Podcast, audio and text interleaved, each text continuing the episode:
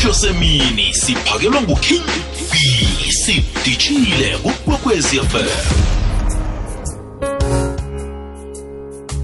msebenzi ayikho esewula afrika abantu bahlezi ekhaya abanye baya-aplaya kodwana kuyabhala. Kilabo abaneziqu kilabo aba-aplayako bathumela imbawo zabo. Zigcine zingaka phunyeleliso namtshana bagcine bangakabizwa babizelwe ama-interviews okhunye okwenza ukuthi bangabizwa yindaba yokuthi i-cv abayithumeleko ayibavezi ngendlela ethani baveza ngakhona. Namhlanje sike sikhambisana nodr nokukhanya nyalunga omuntu vele osebenza ngakho ukuthuthukiswa kwamakhono ngemfundo bandulo ukuveza ubunjalo beziqu zakho khona uza kuthengiseka ebhizimisini namtshana kileyo kampani ufuna ukuyokusebenza kiyo. Sicoca nganasi indaba yokuthi uyitlola njani i-cv esezingeni? Dr nyalunga lotshani? King b ngithokoza ithubeli ngilotshisa abalaleli bekwekwezi kukhanya ba thokoza khulu kwamambala ukuthi thatha isikhathi esi uzokwabelana nathi ngelwazi. Ngiyathokoza. Aha.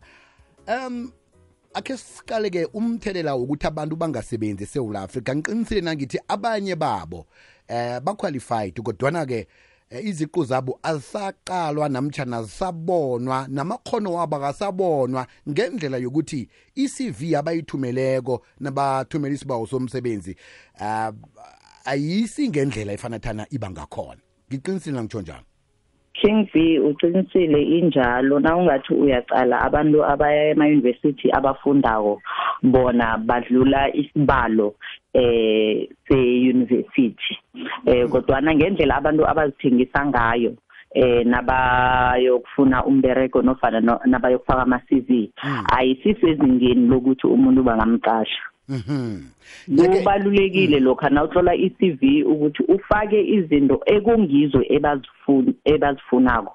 Ungafaki izinto ezingafuneki nofana ongakazenzi eh eziphathelene nombereko loyo. Mhm. Njengoba-ke vane ngibone um ezinye uh, amanye wama-post avelako kuthiwa thumela ipheji linye namtjana amapheji amabili urhunyeze konke ofuna ukukurhunyeza. Kusiphe ukuthi kuyini efanele sikufake lapho eh kilelo khasi linye namtjana kulayo makhasi amabili akuthe eh ayafuneka eh, ukuthi uthole umsebenzi. Yini efanele ukufake? Ngengikuphi efanele ungakufaki? Esikhathini esiningi abantu eh bayabhalelwa kurhunyeza nofana bazithengise ngendlela efaneleko. ku-CV lokhana bathi thumela ikhasi linye nofana maximum amakhasi amabili. Kufanele uthumele ama-contact details wakho ufake ama-personal details. Kuma-personal details awufaki izinto ezifana ne-address nabo-id number mhlawumbe ungafaka i-date of birth iyodwa. Bese ke uya kuma formal uh, qualifications eh imfundo mbalo. Ufake ukuthi wafunda phi e-high school. Lapha na ufaka ukuthi wafunda phi e-high school akunasidingo sokubana ufake ama-subject ngombana akhona ku-matric certificate yakho ozayifaka nabayifunako. Then ufake bonyana ufunde phi eh, tertiary qualification nofana university ufake bonyana ubereke kuphi. Lapha ukuthi ubereke kuphi asithi uaplayela umbereko eh emhathweni. Akufanele nawe uba- u- u- u- u- ufake bonyana eh wena budlala ibhola. Nangabe eh a- akusi position mhlambe ephathelene nesport. Ufaka lokhu okufanele nofana okuqalene nokuthi wena uberegephi neposition leyo oyi-aplayelako okhunye ke abantu abakhohlwako ukuthi bayakhohlwa ukufaka ukuthi umuntu uvolontiye kuphi.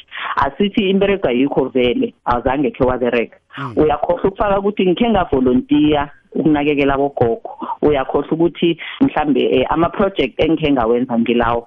Bayakhohlwa nokufaka ukuthi eh bona ama-leadership roles eh nofana la bowusezingeni eh lokuphatha khona kukuphi. Asithi mhlambe bowuyi-secretary eh esondweni. Iye. uyakhohlwa ukukufaka lokho. Lokho kubalulekile ngomanyana kukhombisa umqatshi ukuthi wena uyakhona ukuba sezingeni lokuphatha nofana angakwethemba ngezikhundla sokuphatha Alo- okunye Mm, okufanele ukufake ngiya- ngiyaxolisa kokugcina eh ukuthi em- emphakathini ukhe waba involved njani. Mhlambe nikhe nayo uklinela ugogo thizeni eh abogogo thizeni nabanakekela. Lokho i community involvement. Kuyakhombisa ukuthi wena emphakathini eh kukhona izinto ozenzako. Lokho kwesinye isikhathi eh kuyamkara umqatshi ukuqatsha umuntu onjalo okhonako yena ukuthi eh athathe igadango lokuzenzela izinto ngaphandle kokuthi a- aphutshwe yabona eh dr nabo ukhuluma ngendaba yama-subject khumela ngithumela kona emrhatshweni ngabe ngiwahlolile ama-subject ugenzela yento sezajuguluka bakwethu ama-subject la angafuneki awa angisho akhona lapha ku matric certificate Iye. and eh, ufuna ukhonyaza i-CV le Mm. so akunasidingo sokuthi uyokufaka i-ID number mara uyokufaka i-ID copy. Akunasidingo sokuthi uyokufaka ama-subject mara uyokufaka i-matric certificate. Izinto lezo zikhona nabazozifuna nofana nasebazokuqatsha so akunasidingo sokuthi esikhathini esiningi izinto lezi esizifakako um sizifake. Cover page. Faka amablomu sifake nehliziyo lapha bengithalele bengifake nejuba. Ku-cover page. Qakathekile i-cover page iqakatheli iqakathekile nangabe bayayifuna. Nangabe abayifuni abakabhali eh ku-post leyo ukuthi send eh, a cover page awuyifaki. I-font efanele ngiyisebenzise eprofessional esezingeni ngengiyiphi?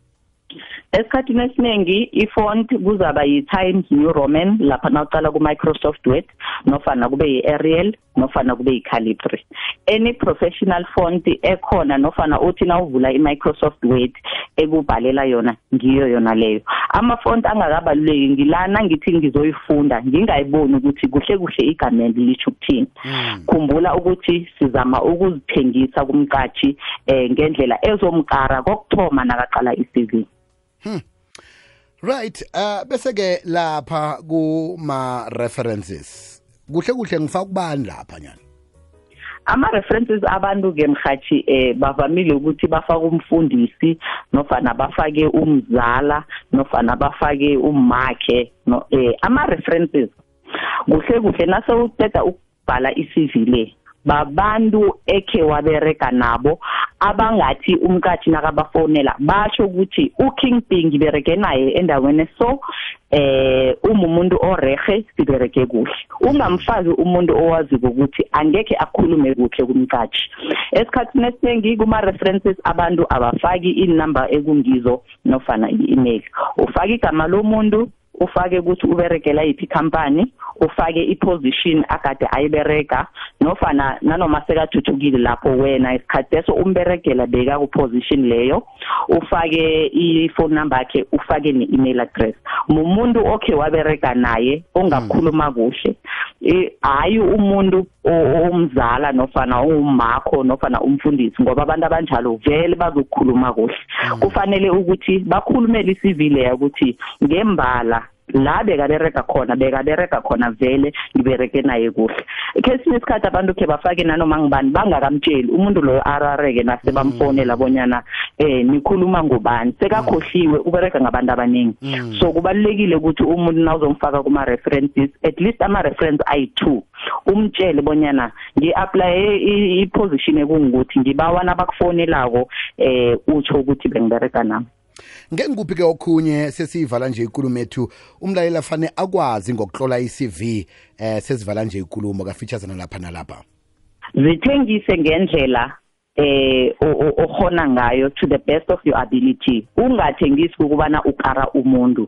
Nangabe into abakayibuzi eh kupost awu awuyitsho so nabathi eh khu- eh, yihunyaze ibe likhasi linye. Zithengise to the best of your ability. Into nabangakayibuzi awuyifaki abangani bakho nabo mzala awubafaki.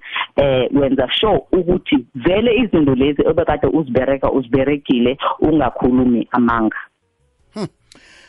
Eh dokotere ke umuntu ofuna ukuthi athindane nawe ngokuhamba kwesikhathi njengoba usebenza ne-career 360 nje eh unitholaphi? Khona azokuthola eh ngokunabileko into esikhuluma ngazo la ngombana kuyabonakala nje ukuthi usebenza ngama-profiles usebenza eh ngento eziningi nje ezikhona ukuthi zithuthukise umuntu zithuthukise nebhizinisi yakhe ngiyathokoza king b. Eh i-carrier three sixty ikhampani engibereka nayo. Eh sikhona ukuthuthukisa abantu eh ngubiziwe nafana professionally.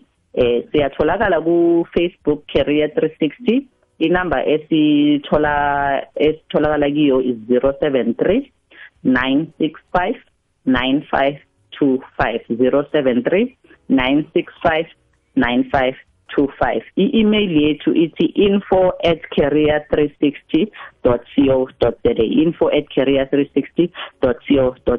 Siyahosta amasemina nama-workshop wokufundisa abantu ukuthi bathola njani ama-cv nokuthi kuma-interview eh baziphatha bunjani ngiyathokoza. Dokotela sokozokhuluma mambala sakhuluma nawe egodo ngesikhathi ezizakwa ngitsho you king P. aha besikhulumisana naye ngudr. Nokukhanya nyalungo eh umuntu okwesebenzela i-carrier 360 qakatheke khulu kwamambala ukuthi na uzithengisako uzithengise ngendlela esezingeni